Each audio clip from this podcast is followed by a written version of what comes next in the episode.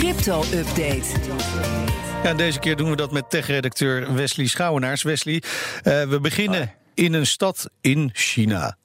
Ja, in de Chinese stad Ya'an in de provincie Sichuan. Dat is namelijk een gebied uh, dat volgens uh, onder andere Coindesk uh, de belangrijkste regio is voor het mijnen van bitcoin. Ongeveer de helft van de rekenkracht van het bitcoin-netwerk bevindt zich daar ook. Alleen die stad en die regio eigenlijk, die heeft een probleem. Want het zit daar boordevol met waterkrachtcentrales. En zodra het regenseizoen eraan komt, en dat is daar elk jaar, dan is er sprake van een elektriciteitsoverschot.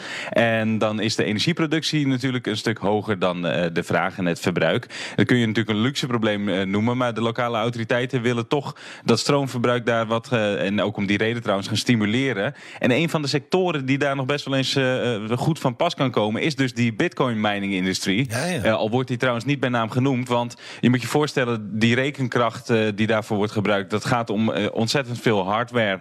dat als een gek elektriciteit verbruikt. Nou, en één en één is twee, zou je kunnen zeggen. Dus die, die, die kunnen daar nog wel eens van pas gaan komen. Ja, want zo'n overschot aan elektriciteit komt die miners natuurlijk niet heel erg slecht uit.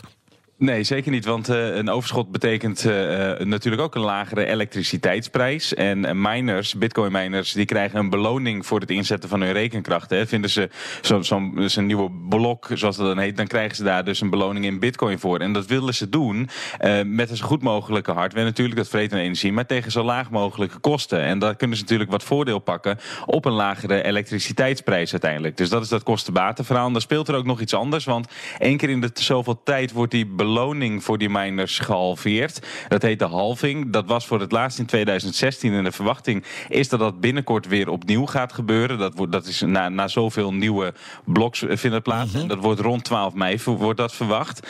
Uh, en ook dan geldt weer dat kostenbatenverhaal. Want de opbrengst voor, uh, voor, die, voor het vinden van de nieuwe bloks, die, die wordt lager. Uh, dus, dan heb je, dus dan heb je lagere mijningopbrengsten. Ja, ja. ja, en daar wil je dus ook lagere kosten tegenover zetten. Dus dat zou nog wel eens voordelig kunnen uitpakken als zij inderdaad gebruik kunnen maken van die lagere nee. elektriciteitsprijs okay. door dat stroomoverschot. Juist, maar het is ook weer niet zo dat die miners die lagere stroomprijs helemaal cadeau gaan krijgen, toch?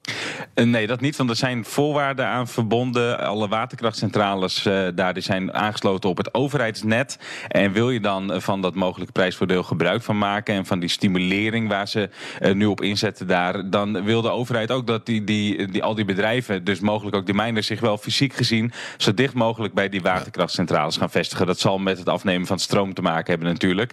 Uh, ze mogen overigens wel zelf ook stroom opwekken, bedrijven daar, maar dan kunnen ze een toeslag verwachten. Okay. Uh, dus misschien is ja. verkassen dan een betere optie. Dankjewel Wesley. En uh, wil je meer horen over bitcoin en andere digitale coins? Luister dan ook naar de CryptoCast. Je vindt hem in de BNR-app op bnr.nl slash CryptoCast of in je andere favoriete podcast-apps.